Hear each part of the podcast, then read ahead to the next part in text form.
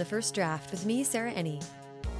Today I'm talking to Adrienne Young, New York Times best-selling author of Sky in the Deep.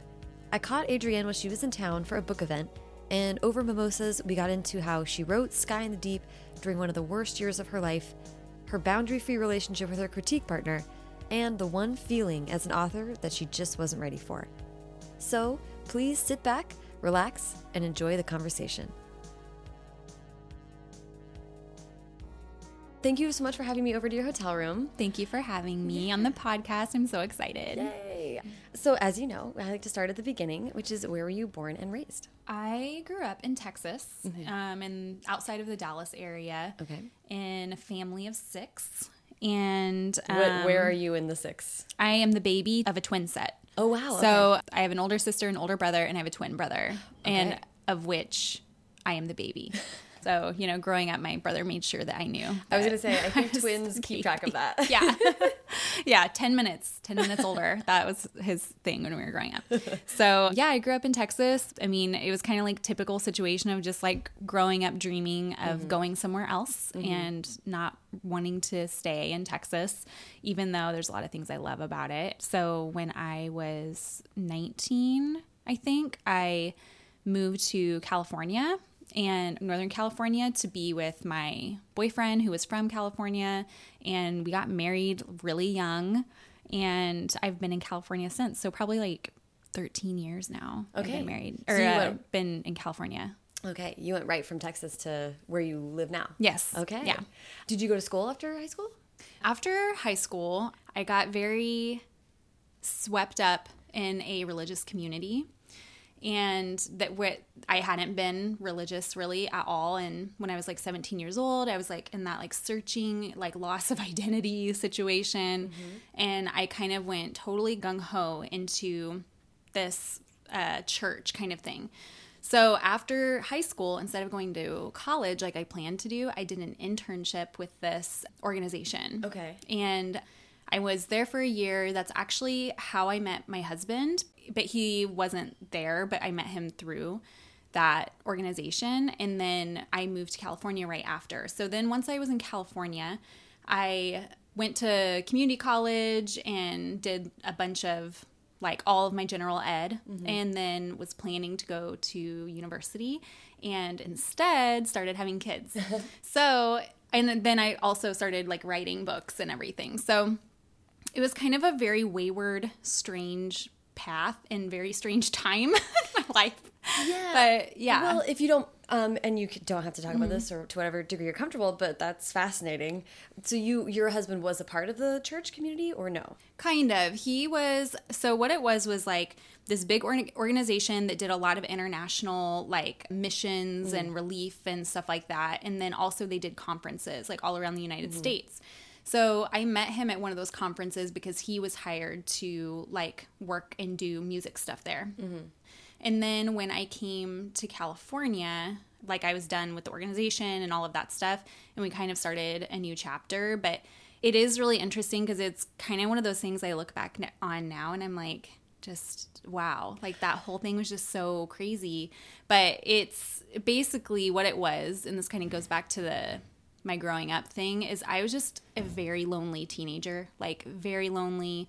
I really struggled with depression and anxiety, and I think I was really searching mm-hmm. for like somewhere to belong, you know, just mm-hmm. somewhere where like I would be really accepted and Well, all of that. Where you can work towards a larger thing, right? Totally. As well. And feel like a part mm-hmm. of something that's like bigger than yourself and all of that. So, yeah, it was like just kind of this really intense season of life, but it brought me to my husband and yeah, so it's it was like a weird thing. Yeah, like every well- time I talk about it, I'm like, it is very weird. The more retrospect I have, the more I'm like, wow. We'll get back to this a little bit because I have a question that kind of relates to that a little bit Okay. before once we get more into Sky in the Deep. But just going back a little bit to being a lonely teen, how did reading and writing play into growing up? it was huge for me because I I still have a very hard time sharing my emotional like state mm-hmm. verbally mm-hmm. out loud. And so I think that was always a real struggle for me and I um really channeled that through writing. I mm-hmm. had like jour- tons of journals full of like super depressing poetry and like you know unfinished short stories that were just so dark and I I had a very dark sensibility as a child. Like my favorite movies were like Edward Scissorhands and The Labyrinth and Yeah, yeah. um the I forget what it's called now, Oh, the oh. Christmas one. Beetlejuice. Oh, uh, Nightmare Before Christmas. Yes, Nightmare Before Christmas. Like these were like my favorite things growing Mm-hmm. up that I watched over and over. So I think I just had like a very dark, and I don't mean dark in a negative sense, but a dark side. Yeah, a draw to that kind of Totally. like artwork and stuff that focuses on the less Yeah, yeah. I don't know, positive, uh, not positive. I know it's, good. you're it's like saying. you don't want to like assign a connotation to it, but there is like a dark and a light, like you know, balance or whatever. And I think a lot of times we throw the darkness away as like a bad thing or like a negative thing, but it's just really kind of the other side of us. Yeah. So yeah, I was really drawn to a lot of that stuff, and writing for me was a way to really get like my feelings out and like process my emotions Mm-hmm.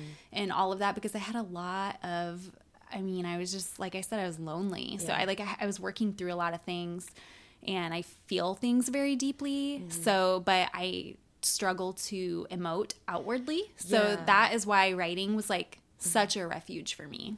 You know, it's so interesting to me that you, I think a lot of writers can relate to that feeling and that experience.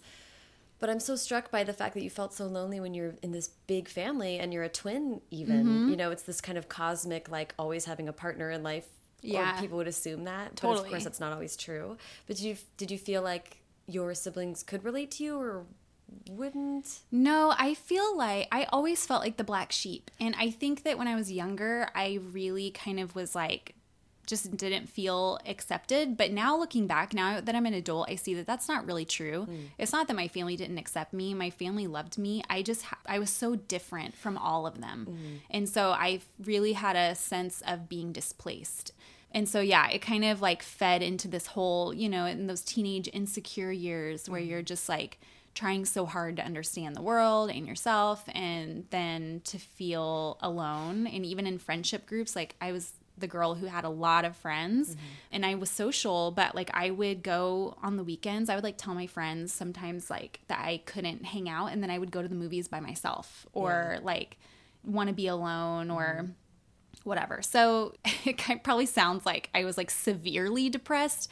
I wouldn't say I was severely depressed, but I just was struggling Yeah. a lot. Yeah, and I think that the what you're saying about struggling to find productive ways to express yourself or like Mm-hmm. to accurately express yourself, you know, I think that's such a difficult thing growing up is finding the words because even though Yeah. we are writers, it's like that often is the result of like a long time of searching for those words. Oh, yeah, and like not being able to speak them or come off the cuff with them. Certainly, Mm-hmm. um, that's so interesting.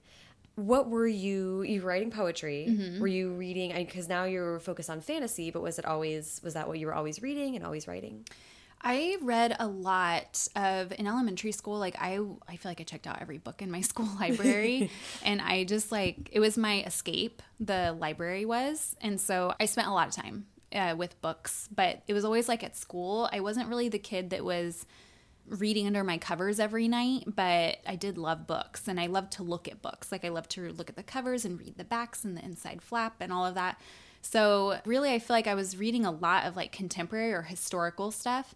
And then when I got older, I was reading Harry Potter mm-hmm. and it literally changed my life. Like it did so many people, you know? Mm-hmm. I'm like, everyone says that, but it's just so true.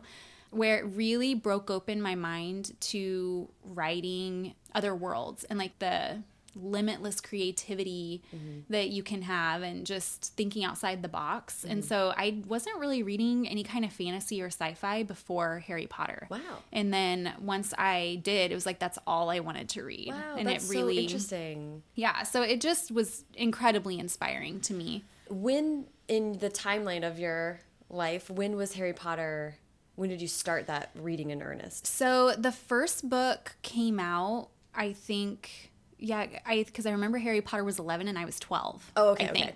But I didn't start reading them until a few years later, probably like 14 or 15 is when I read the first Harry Potter book, and I was just totally enraptured. I read all of the ones that were out so far. And then I was like, you know, getting them right when they came out and all that stuff. And so I got to experience like at least half of that, like the waiting and whatever. So, um, going to the bookstore at midnight. Yeah, that like that kind of stuff that just, it became like a really big deal to me. And that yeah. was the first, that was my first like fangirl experience too, where I was like, full on mm-hmm. fangirl. That it also changed me like in that way too. It is funny because I don't think everyone feels that way about Harry Potter. I think a lot of people mm-hmm. feel really close to it, but not everyone has. I mean, for me, it was Twilight actually. A lot of people yeah. with Twilight are like, I can do this or whatever. Like, oh, it, yeah. it makes you feel brave enough to kind of embark on it on your yeah. own. So, at what point did you said it wasn't until many years later that you actually started writing books? Mm-hmm. Lead me to starting to write books, and then we'll jump to a little bit of Sky the Deep. Okay, so writing a book was a dream I always had, like from elementary school. I just would, you know, fantasize about my book on the shelf with my name on it type thing. But I never believed I was going to do it. So even up through high school, I wasn't like planning to be an author or even a professional writer. I thought maybe I would be like a, uh, an advanced literature teacher or professor mm-hmm. or something like that. So it probably wasn't until I was like 25 that I started writing a book secretly. Mm. I had never written a book before or tried to, like a whole book. So I was like, I'm just gonna try it. And I had this idea and I started writing it and I I didn't really ever finish it, but it was my first time realizing like, oh, if I spent enough time and I tried hard enough, I probably could pull this off, mm-hmm. maybe. So that kind of opened my brain up to like that dream of being an author and being like, oh my gosh, I could really do it. And then I started writing freelance for some different publications and I that that also kind of like ignited that thing in me of like being published or like mm-hmm. being taken seriously as an as a writer. And mm-hmm. so I just decided, okay, I'm going to do it. So I started working on my first YA book and it was fantasy. It was like every cliche in the book, every trope in the book. like I just I threw it all in there, you know. So I was like working on this book, but I was really excited about it. But I didn't know any other writers, and I didn't even know where to start with yeah. the industry or like I didn't even know what a literary agent was or anything. And so I was like, okay, I'm like totally out of my depth. Let, let's just pause really quick because I don't want to skip over the process of writing in secret and, and trying. I feel like that's actually probably a pretty pivotal moment for you. And you were having kids, you were married, mm -hmm. you were mm-hmm. living in California. And I'm just so curious because I think your husband's in a creative field too, right? Mm -hmm. Yeah. So what was it that made you start writing but in secret? I have always had a huge fear of failure, like mm-hmm. major. And it has ruled a lot of like decision making in my life and just a lot of my path was dictated by that. And so I think that when I first started trying to write a book and thinking maybe I could get published, I didn't tell a single soul, not even my husband for a while. And I was just, I didn't want anyone to put an expectation on me that then I couldn't live up to and yeah. then feel like I failed. So, especially my friends and family. So, this to me, I'm like very relating to this. And yeah. I feel like this is connected to you were talking about how you're a big planner. Mm -hmm we'll go, we'll get to that later but it's like you're planning for me I'll speak for myself in my life I've sort of learned to cope with fear of failure by making a like a list. Yeah. I'm like if I think through all the steps that it takes to achieve this thing and then I just knock those tinier mm -hmm. things off one by one, then I've at least given myself the best chance not to fail. Oh, and that's totally. been like enormously helpful to like do a lot of frightening things. Yeah. Oh yeah. I'm so like that. Like that's the way I think. Mm. And so I I was like very fearful, very much feeling like I wasn't a good enough writer, mm. so scared that when I started putting myself out there, I just it would be shot down and I would re- I would learn that I wasn't as good of a writer as I thought I was, mm. all of that. So, it took a while to really kind of own it. Mm -hmm. And a big part of that was I found out a friend of mine who was just an acquaintance, but we had a lot of mutual friends. She was secretly writing a book. And I, it was the first time I'd ever known anybody in person that was a writer. And so I was like, oh my gosh, I'm writing a book. so so What a cool moment. Yeah, it was like very serendipitous. But we became critique partners, and then we we've done it all together where we learned about the industry together. We went to our first like workshops and conferences together. We've done we've read all each other's stuff. And so like yeah, it's she's been a huge huge part of my journey. What's her name? Kristin Dwyer. She will be so happy to hear her name on here.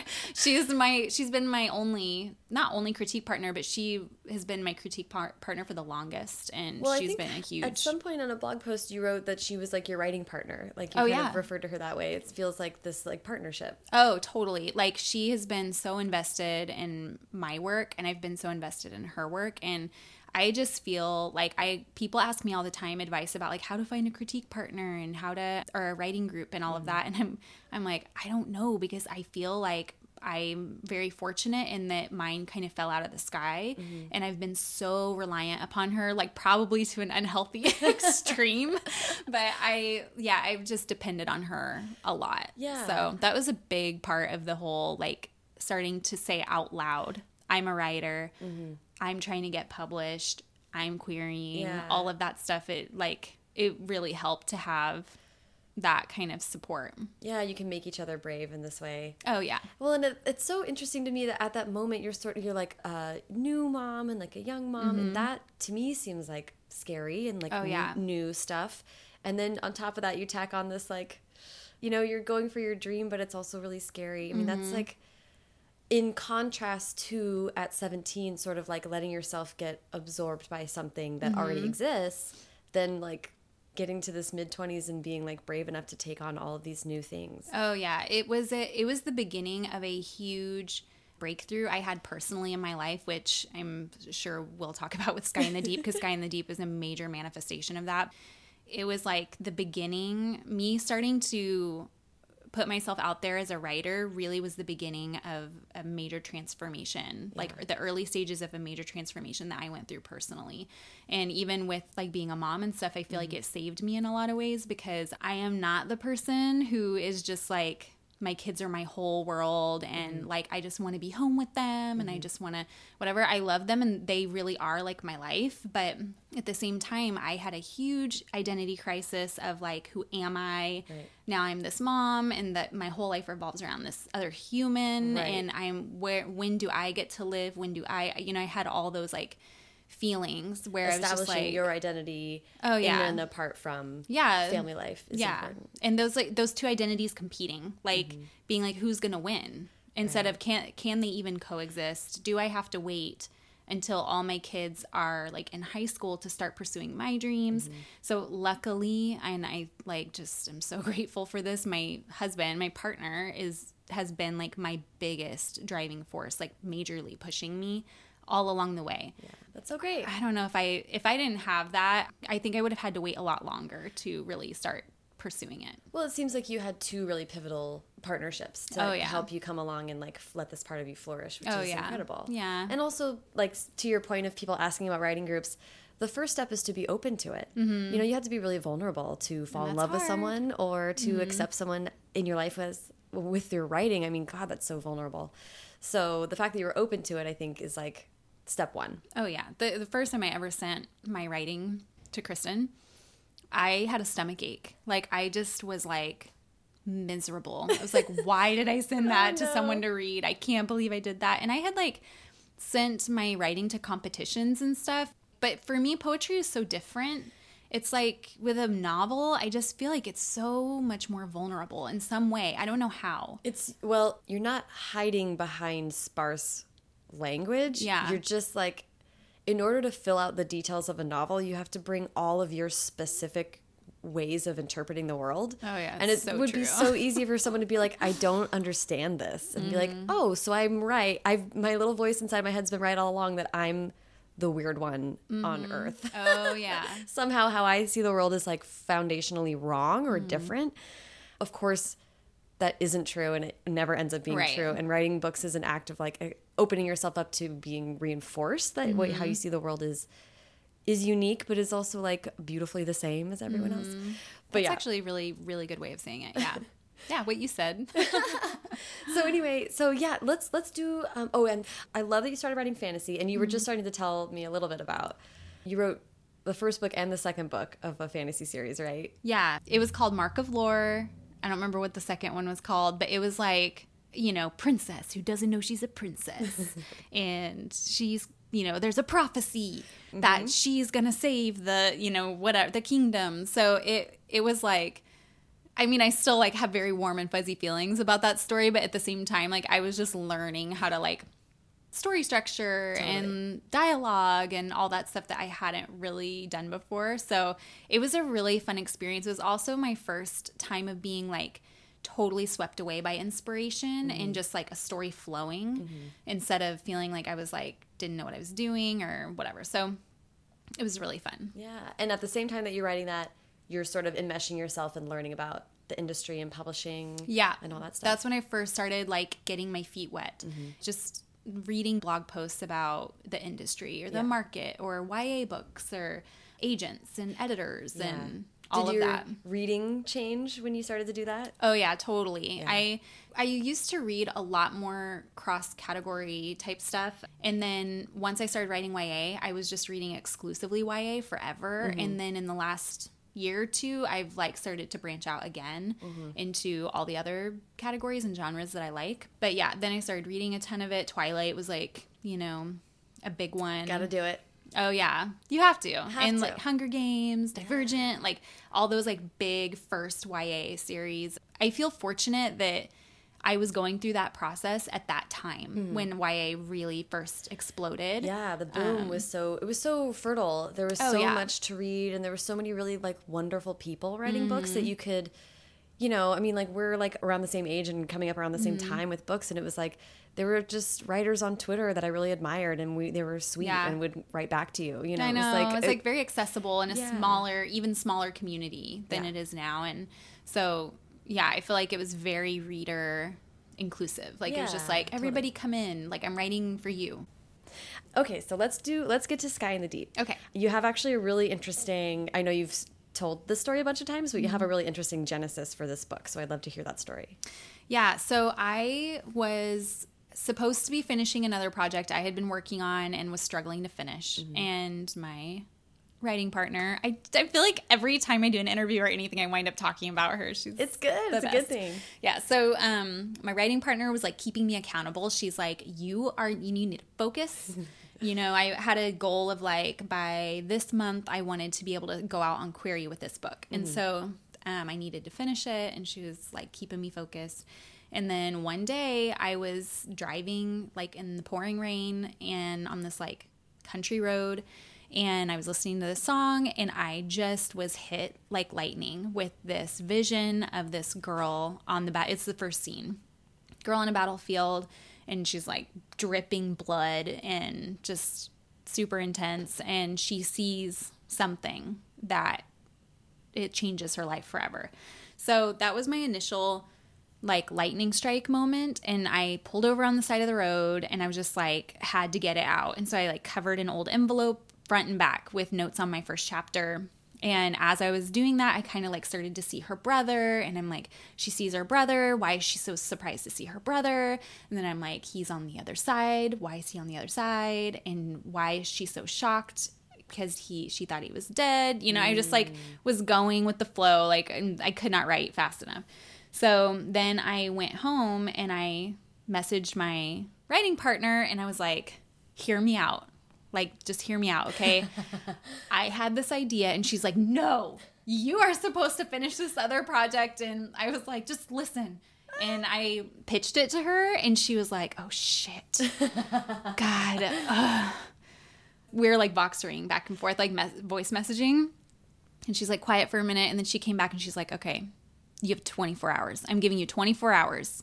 And so we like spent the next whole 24 hours like talking about it and like brainstorming and like I was like working it all out in my head mm-hmm. and like I think I like was like, "Where are you?" And I went and met her at Costco, and she's like shopping. she's shopping, and I'm like, "Okay, what about this? What if this?" And you know, whatever. And I'm like taking notes, and it was so intense I and like that. such a. there's like no boundaries in our relationship. I, am upset. You're like, I'll just help you do your chores. Just hear me out. Yeah, like I just I need you right now. Like you need to be there for me. By the end of those 24 hours, she was like, You have to write this. Like, forget the other book. Like, you have to. And I'm like, I know. So I started writing it and I just didn't stop. I like it came so easily and so quickly, unlike other projects. And I just knew, like, I had a deep gut feeling that this was the story that was going to go somewhere. Yeah. So, Yeah. yeah. So I just went it's for it. nice to hear you say that because it's very. It's like you want to feel like it will feel different. You know what I mean? Yeah. Some yeah. new ideas just seem. You want to believe that it's true. You know Yeah. Mm-hmm. instinct. Um, so it's great to hear that it was true. Yeah. Um, and you said that was really different from how other ideas came to you because it sounds like it came. Yeah. Like visual, like, with a character and a little, and like the inciting incident, like a little bit of plot. Yeah. Is that typically where you start with stories, or how has it been to this point? So the other, the first fantasy book I had written came to me like that too. I was like rocking my baby to sleep in the dark and got the idea for it. Mm. And so I just, I feel like there's been a couple times where something has hit me like that. And I know like this is gonna, I'm, I'm not gonna have to struggle to write this or mm-hmm. figure it out. Other stuff I had worked on that didn't really happen. It was like I had an idea and I was like, that's a cool idea. And like, let's start exploring it. And then I really had to just, it just was a lot of work to try and hammer it out. Mm-hmm. But yeah, so there's been a few times where that has happened and I'm starting to realize like those are the ideas. Like I have another I have something I'm drafting right now that is like that. Mm-hmm. With It's just like the lightning. I can't write it fast enough. I'm starting to learn more about my process that like those are really the ideas that go somewhere. If I don't have that like heart palpitation mm-hmm. feeling, I'm probably not gonna Right. really pursue it. I always keep like a bank of ideas, and sometimes an old idea will kind of respark in my mind and inspire me. But for the most part, I feel like it's really more of those like major moment Yeah. inspirations. Yeah, which is really interesting. And also, like, it comes all at once, but it's so obviously this, like, your brain sort of packaging everything slowly over Oh, yeah. time, and then it just works. Because when ideas come with that much energy behind them, it's like this was building up somewhere in my head over time. Yeah. Uh, but then you have this like yeah just all this energy to draw from with ideas like that so it's really good that you learn that i'm really intrigued by your process because you've said um, like on your instagram and a couple of places how absorbed you get in drafting. Like when you're in it you're in it which Yeah. is to me so funny and interesting where you're such a planner in the rest of your life. And then this just sort of like oh yeah. overtakes you can you talk more about that Yeah, I have a very I mean, I feel like it's very unhealthy. like my my drafting process and just like my habits are not that healthy, but they're effective. Mm-hmm. So it's like I used to kind of think about it like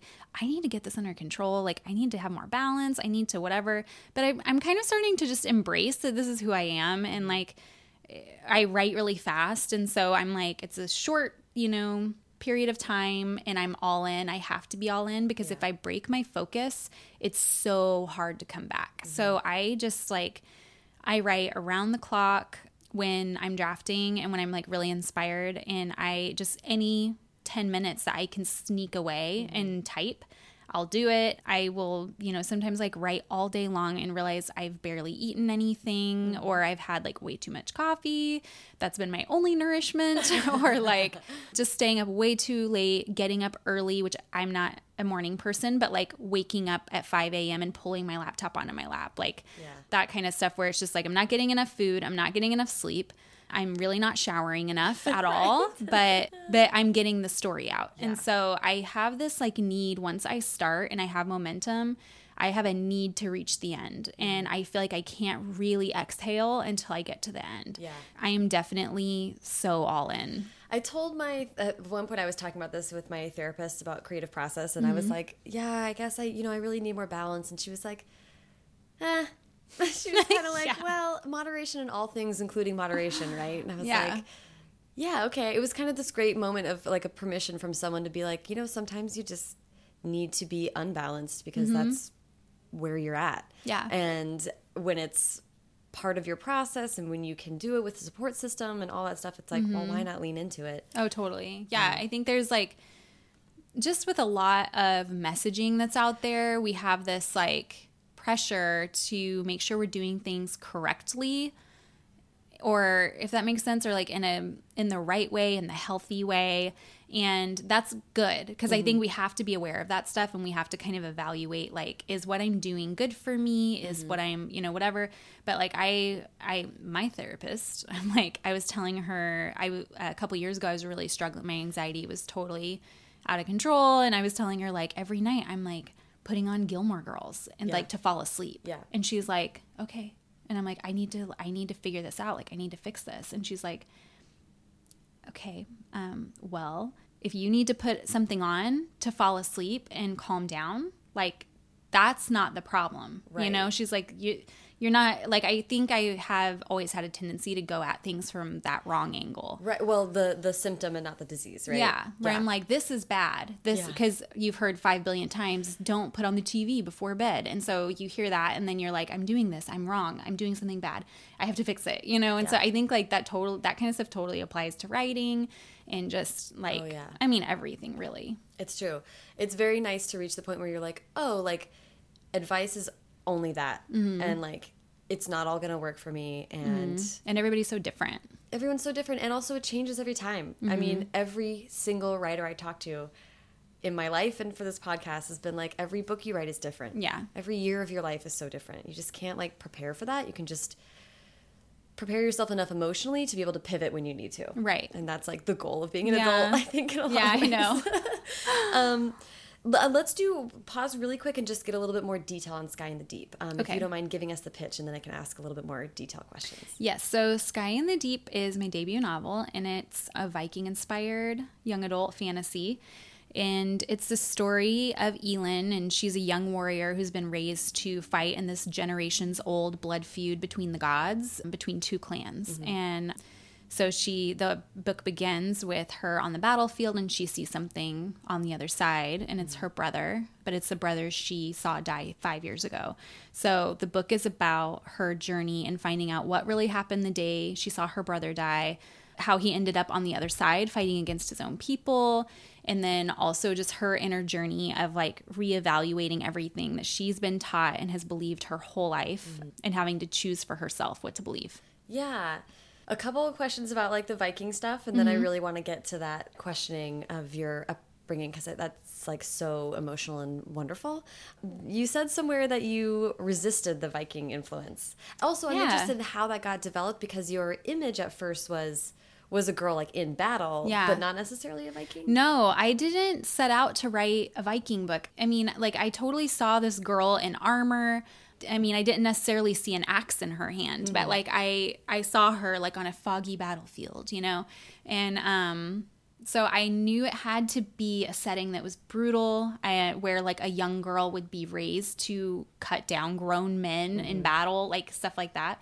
So once I started writing it, it started. I felt like it was really starting to take a Viking shape, mm. but I didn't really want to at first I didn't really want to go that right route because I didn't want to write like historical fantasy. Mm-hmm. And so I was just like, I don't really want to do that. Like, I don't know. But then once I started just you know surrendering to it and like leaning into it i was like this is totally the vein where this story belongs and that culture just served as a really good place for the story to take place yeah well uh, like were you resistant to it because of the research or no because i love research okay. i'm like i'm a research junkie i love i'm a history nerd um i love art history so i've always been kind of intrigued by the vikings but i guess i just felt a pressure to do something like create a world that was totally different mm-hmm. because that's what i had always done mm-hmm. in my projects and so i was just like well no i don't want to just like I don't know. I almost felt like it might be a cop out to just be like it's Viking. I think that's the thing for a lot of fantasy writers. Mm-hmm. You know,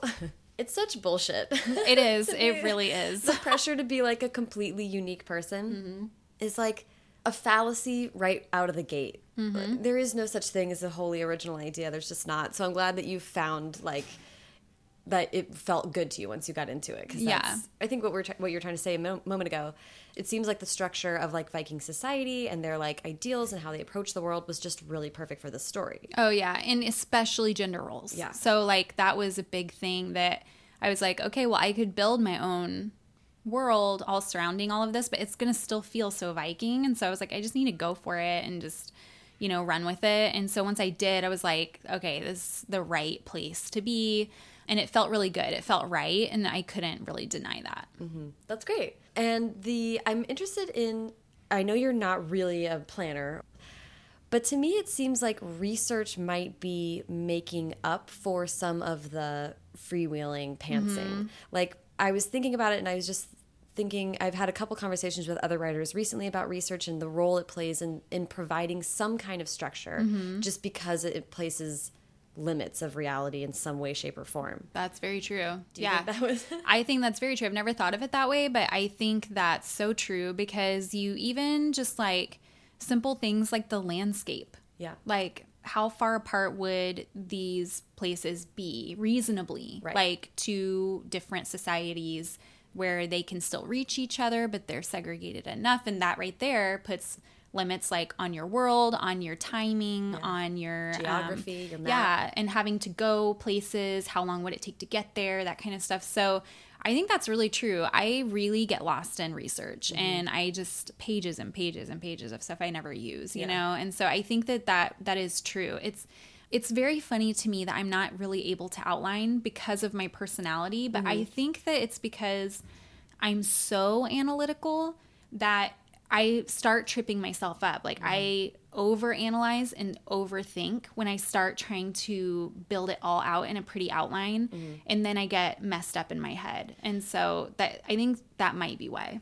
Well, it's interesting. I mean, it seems fair to assume that like in your life you've learned so much and been able to achieve so much by being so organized and then the creative part is just the other half mm-hmm. the the yin to that yang that is just like let me do something crazy for a while yeah and learning and like trust me like yeah. i feel like it's my my inner self being like trust me and i that's been kind of a big mantra for me the past year because debut year has just been so crazy and writing the second book has been so crazy and yeah. such a different experience in writing sky in the deep that i feel like i've really had to challenge myself to just trust myself and mm. trust my storytelling ability and even when it looks like like this is not gonna come together right. or it's it's scary to be able to do that but i think like what you were saying before earlier about like just the more you understand about your own process and how it's unique to you mm-hmm. and how it works then like it kind of takes some of those the pressure of like that fear away a little yeah it's still yeah. scary but well let's that kind of leads to going back to what you had mentioned a little bit before about the process of writing this book and its role in your like personal growth mm -hmm. i feel like it might be related to is it ellen El elin elin mm -hmm. okay mm-hmm. okay she does have to grow up in this way of like rethinking how she's been taught to see mm -hmm. the mm-hmm. world and to me that's such a fundamental theme yeah. and such a relatable thing for a young person to go through was that a part of this personal growth that you felt like was happening when you were writing this book yeah, definitely. I mean, even the further away I get from it, the more and more, I mean, it's even more so than I knew it was when I was writing it. So, yeah, I started going through like a really strange kind of chapter of my life when I was probably like 28, 29, where I was. Return. Yeah. I was real. I was gonna say that, and then I was like, eh, I don't want to be too you, weird. You're amongst astrology friends yeah. here. Okay, okay. So yeah, Saturn's return. Okay, so I yeah, it was that moment of almost waking up. Like I had a a few things kind of happening just emotionally and evolution wise, I could think becoming more of an adult and everything that was kind of leading up to all these questions about everything I'd ever believed, everything I subscribed to or said I subscribed to or the way I saw myself mm-hmm. or the way I thought I should be, all of that stuff where I kind of just got so weary. I feel like it all caught up to me, like all the striving to look us like not physically look a certain way, but like as a person. Seen.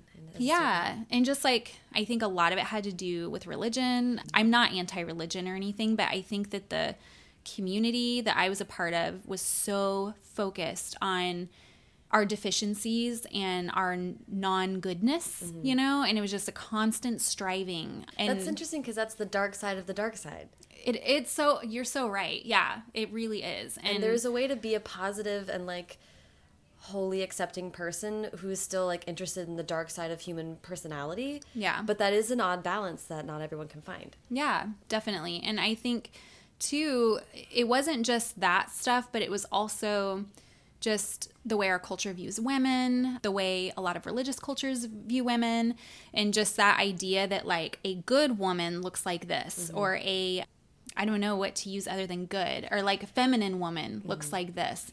And I had never fit into those molds ever my whole life, which I think mm-hmm. is part of the reason why I always felt like I wasn't a part. But I just always felt like I was too much, too, I mean, I was told I was too opinionated, too emotional, too intense, too aggressive, mm-hmm. too intimidating, all that mm-hmm. stuff my whole life. And especially like I think a lot by teachers, which is really interesting. I just recently was like, who in my life were those people? And they were like teachers and religious leaders. And so mm-hmm. I had this view of myself as always being deficient. Mm-hmm. And then, you know, once I started getting to that 28, 29 years old, I kind of really had this moment of like, I am so tired of living that way. Like, and oh, and by the way, it's actually my choice Right. like I have a choice here. So it was kind of, I feel like I grew up all of a sudden and just kind of like put my big girl pants on and was like, I can actually have a say in my own path. Mm-hmm. And so I started kind of going through this inner transformation. My husband was kind of going through the same thing. And then I had a just a horrific, horrible year in 2016 where my a lot of crazy things happened, but the biggest thing was my dad was sick and he was dying, and my family was just in extreme turmoil. And I was in California and they were in oh, Texas, and I was like trying to go back and you know be there for some of it. And I also felt like I, I had kind of felt like I had the knowledge that he was dying long before my family did. Like I think they had a lot. They kind of viewed his illness differently than I did. Wow. So I feel like I was mourning that whole year already, long before he passed away. And so I was just in this dark place, like the darkest hole I had ever been in. And I just, it really made all that stuff that was already brewing come to a head. Mm-hmm. So part of that too was just like conservative mentalities of like the way you see the world and the way you see other people who are different from you and all of that things that hadn't aligned with me for so long but i still was participating in communities that did align with it and Right. so yeah so i feel like i finally reached this point that's when i wrote sky in the deep is that year So you were writing it the whole time. I started writing it about halfway through that year. Okay. I was in a lot of pain, like so much pain, and just feeling really lost, but also feeling like a new invigoration, like for life, mm-hmm. where I just. I feel like my passion was really overflowing too. Mm-hmm. So I started writing Sky in the Deep, and I did not know it was gonna go there really mm.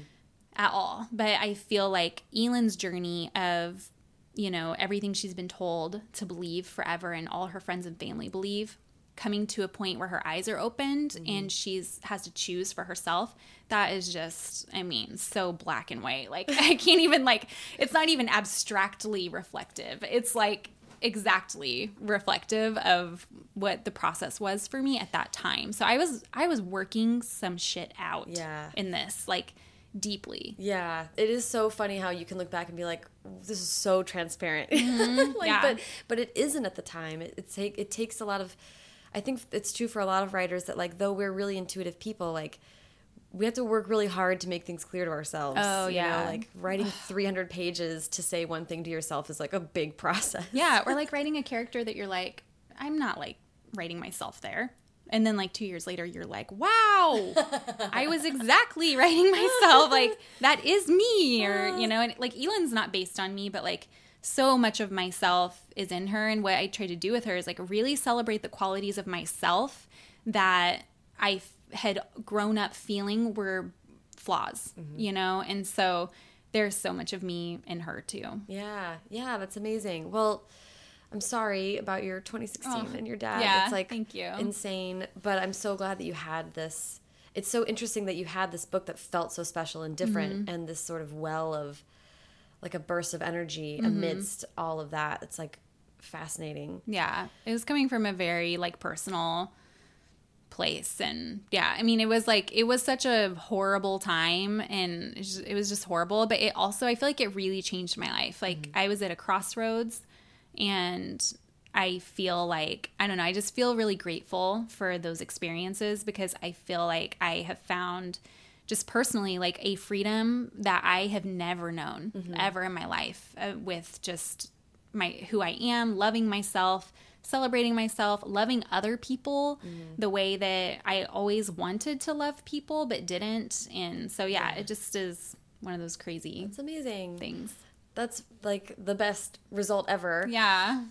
On the flip side of that, I'm like as you went forward into this book coming out in the world, when a book is so personal, then it goes through the process of being out in the world and yeah. sort of being a commercial product, which mm -hmm. is mm-hmm. less romantic than oh yeah uh, than your precious book. You know, how was that process of seeing it? I mean, because it also has been so successful and well received, but like it's still out in the world and not just in your computer or your heart anymore. Yeah. I mean, authors say this all the time, but I really felt that feeling of like I'm putting this is my heart and soul. I just put on paper for other people to read.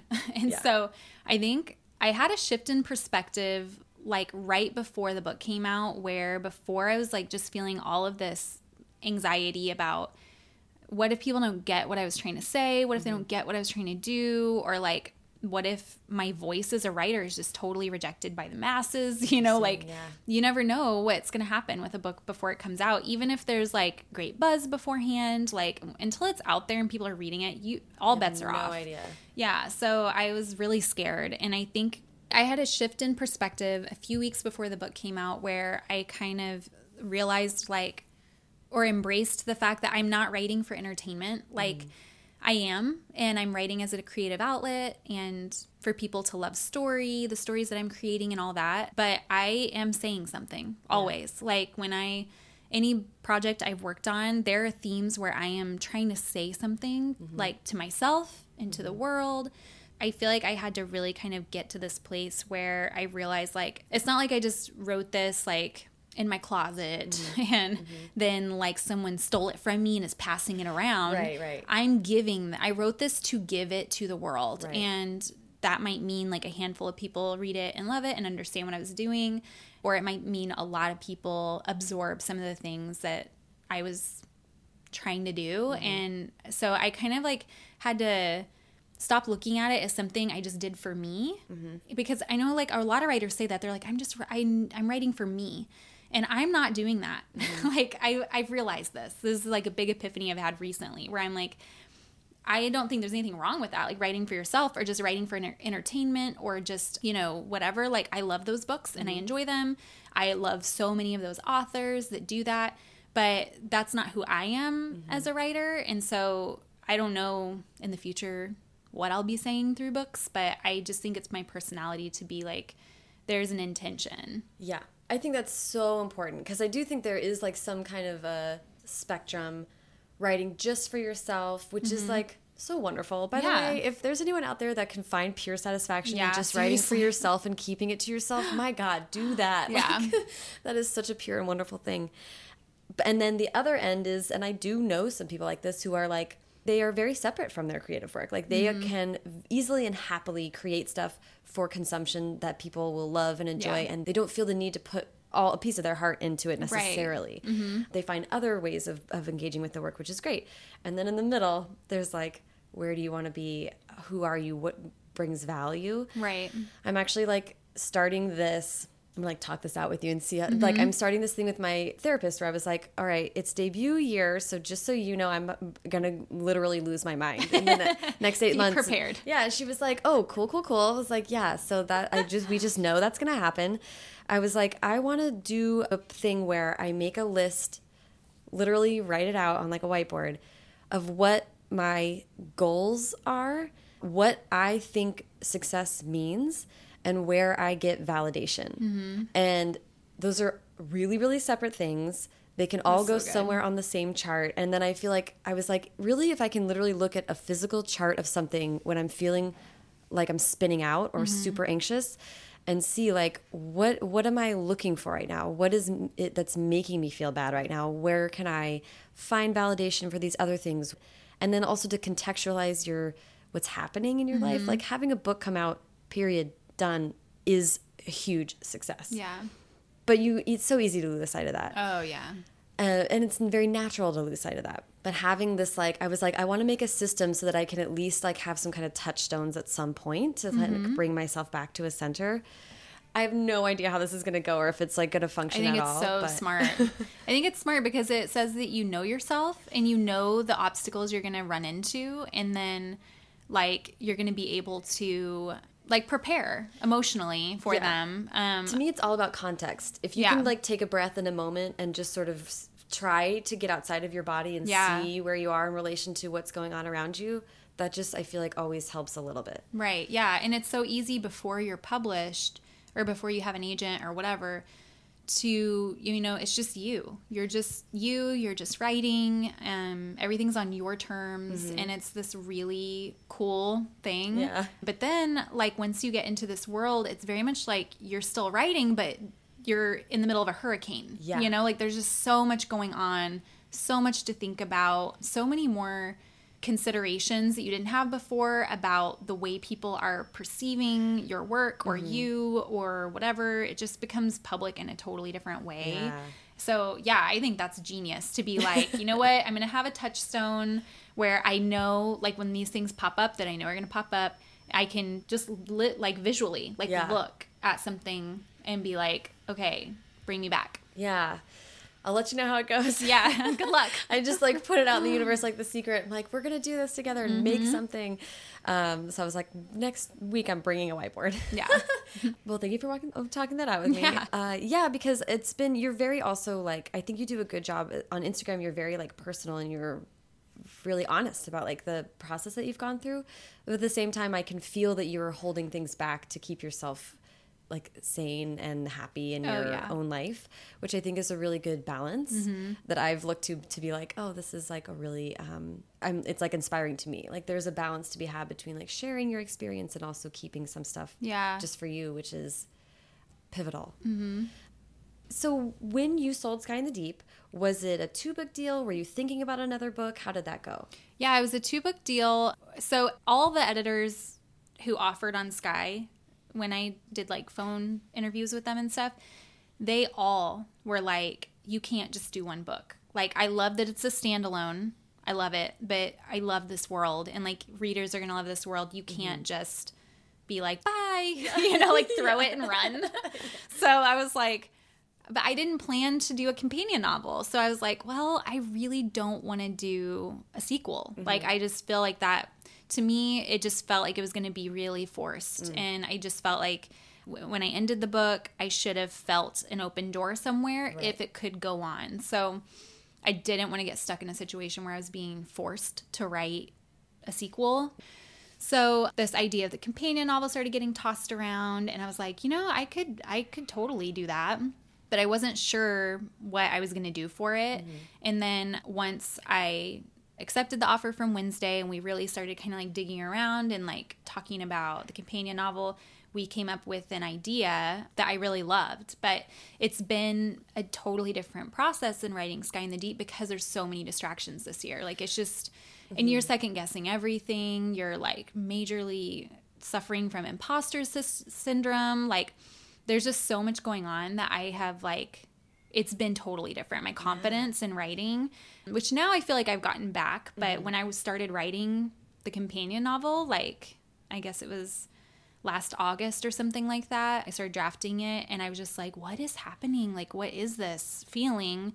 And it, it took me a while to realize, like, okay, like I'm sure you've heard like the second book, Curse so many people warned me and yet i still didn't really think it was going to happen to me yeah. i don't i don't know why i think that is the story every time. Oh yeah. And also, even so if you know it's coming, you can't prepare for it. no, know? and it's different. For that even that is different for everyone. Even if it's horrible for everyone, it's different for everyone. So yeah, yeah it, that's been like a learning curve. Um, but I feel like it really has made me a stronger writer. I feel like I really have again had to really trust myself mm-hmm. and kind of just go with the flow. Yeah, so the companion novel comes out in 2019. We haven't released yet what it's about but I am really excited about it.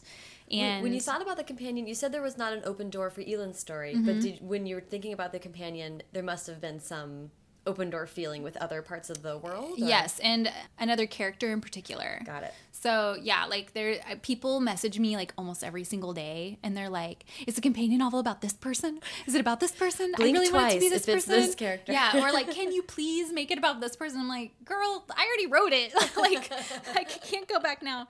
But yeah, I think that I feel very confident that people who love Sky in the Deep will be really excited when they find out what it's about, and I'm hoping we can announce it really soon because I'm telling you, I get this question like multiple times a day, and I'm just like dying to talk about it. Yeah, well, that's so So- exciting. Yeah. Was there anything in particular that you were able to do or or change about your process to to reinvigorate and to get back into it?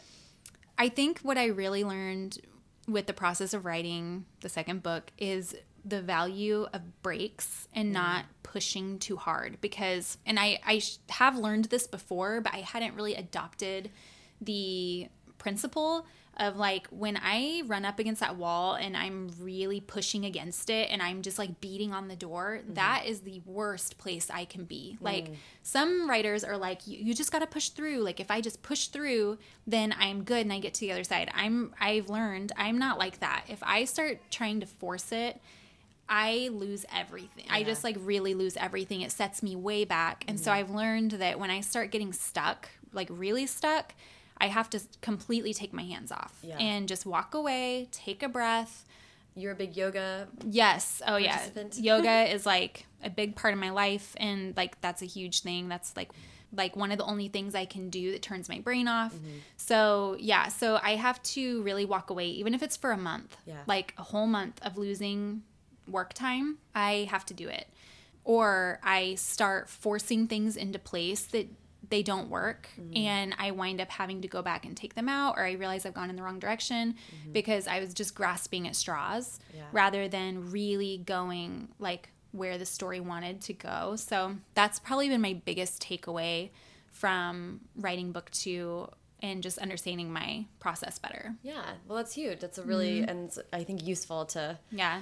to hear. Yeah. Um, and I've- it takes discipline. You wouldn't think it does, but like walking away takes a lot of discipline for me because I am a hardcore work person. Yeah. So I want to get to the end, I want to finish.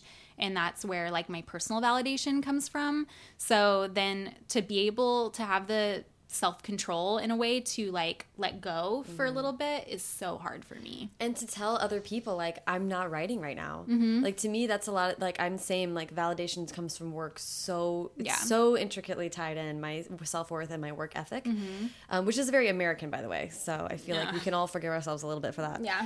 but it was also was telling my friends like i'm not writing this week and like everyone else is writing or everyone else is talking about what they're doing and i'm i just have to be like it's okay i'm not a failure Yeah. because i'm taking the week off yeah. Which know? is hilarious because it's like no one else is thinking that. You're thinking, you're putting that judgment on yourself. Yeah. But I do that all the time. yeah it's so funny once you have those moments of like oh then it's a really you're like it's just so lovely to then Yeah. kind of give that up mm-hmm.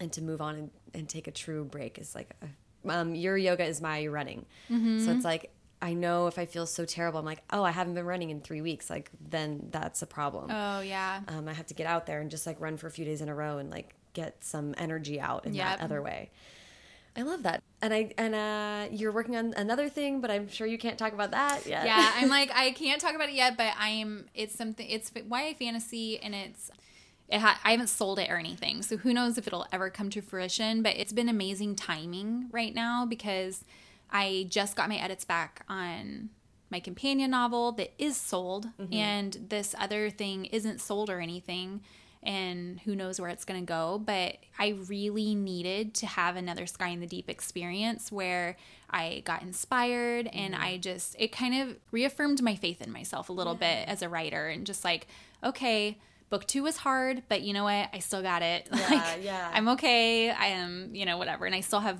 a lot of stories in the bank and in Yeah. the well so yeah it's been like a very therapeutic thing That's good. I feel like there's also some real joy in. I've had friends have a really good experience with.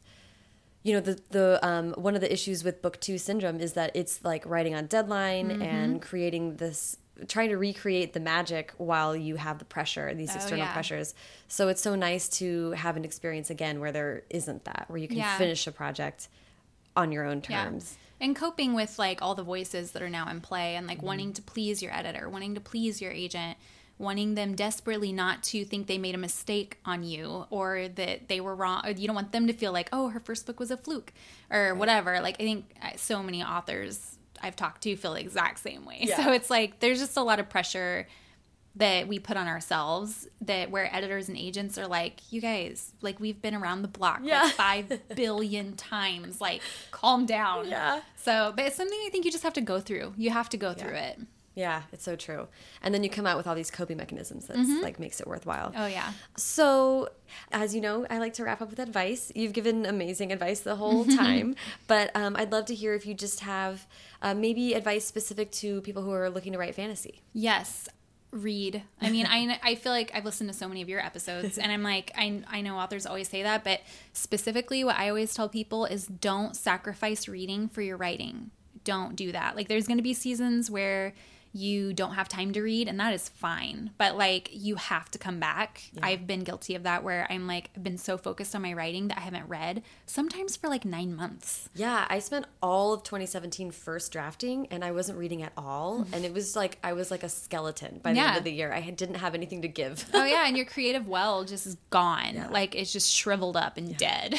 So yeah so especially i think that's especially important for fantasy because if you're not reading spec fic in any form and you plan to keep writing fantasy like you have to get that inspiration in there any way you can um, it's not just through books but through whatever inspires you Yeah. and then the other thing i always tell people in general is just to really similar to what you said you're doing for yourself which is like the querying thing like being prepared to want to give up like Mm-hmm. Yeah, multiple right, times right. even if you're like me and you're very ambitious and driven like i was not emotionally prepared for f- that feeling of wanting to give up. Mm. and because i that's not me. That's not my personality. Mm-hmm. so like i just on friday I was talking to a girl at mysterious galaxy and this has kind of become the thing i've been telling people who always ask me like do you have any advice for me? I'm querying. And i'm just like first i'm sorry. I'm sorry for what you're about to go through. But also like just prepare now for and i think like making a list or like writing a note to yourself or something that you can pull out like when you get to that point where you're like do i even want to do this? Will i ever make it? No one's ever gonna buy this. Why am i a masochist you know like Totally. doing this to myself? But like if you can be prepared for that moment beforehand and then meet it with an answer mm-hmm. like a reminder from yourself Yeah. of like why you want to do it or like you knew you were going to get here and I have the answer. You know, like you're asking a question and I have the answer. If you can do that within yourself, like that's I wish I could have done that. Again, I wasn't prepared for that yeah, feeling. it's hard to not. It's hard when you don't know what you don't know. Mm-hmm. But trying to do a little work ahead of, especially if the work that you're doing ahead of time is like acts of self care Mm-hmm. or like pre self care, like book yourself a, a vacation weekend, Yeah. or something. Also, what helped me was I got a really well timed tarot reading. Oh, nice. and this woman was just like she read me she was Mm-hmm. just like uh, why are you so scared right now get over yourself like, you're gonna be fine and it's something about just like this lovely woman like pointing at cards and being like look at this you're gonna be do great i was like Oh, yeah. thank you like I just really needed that. That's like the universe just taking care of you. totally it was uh, so i recommend that Yeah. Um well this has been such a delight thank you for taking the morning to chat with me Yeah, thank you so much for having me. I love this podcast. So Yay. Oh, so happy to be here. Thank you so much to Adrienne. Follow her on Twitter at Adrienne Books and Instagram at Adrienne Young Books. Follow me in both places at Sarah Enni and the show at First Draft Pod. For links to everything Adrienne and I talked about today, check out firstdraftpod.com. There you can also find a link to the searchable Google Doc that serves as the archives for all 140 plus episodes of this show. If you like what you heard today, please subscribe to the podcast on Apple Podcasts or wherever you listen to podcasts, and leave a rating or review on iTunes. It helps new people find the show, and it makes me feel good. Haley Hirschman produced this episode. The theme music is by Hash Brown, and the logo was designed by Colin Keith. Thanks to super intern Carter Elwood and transcriptionist at large Julie Anderson. And as ever, thanks to you, Viking Warrior Queens, for listening.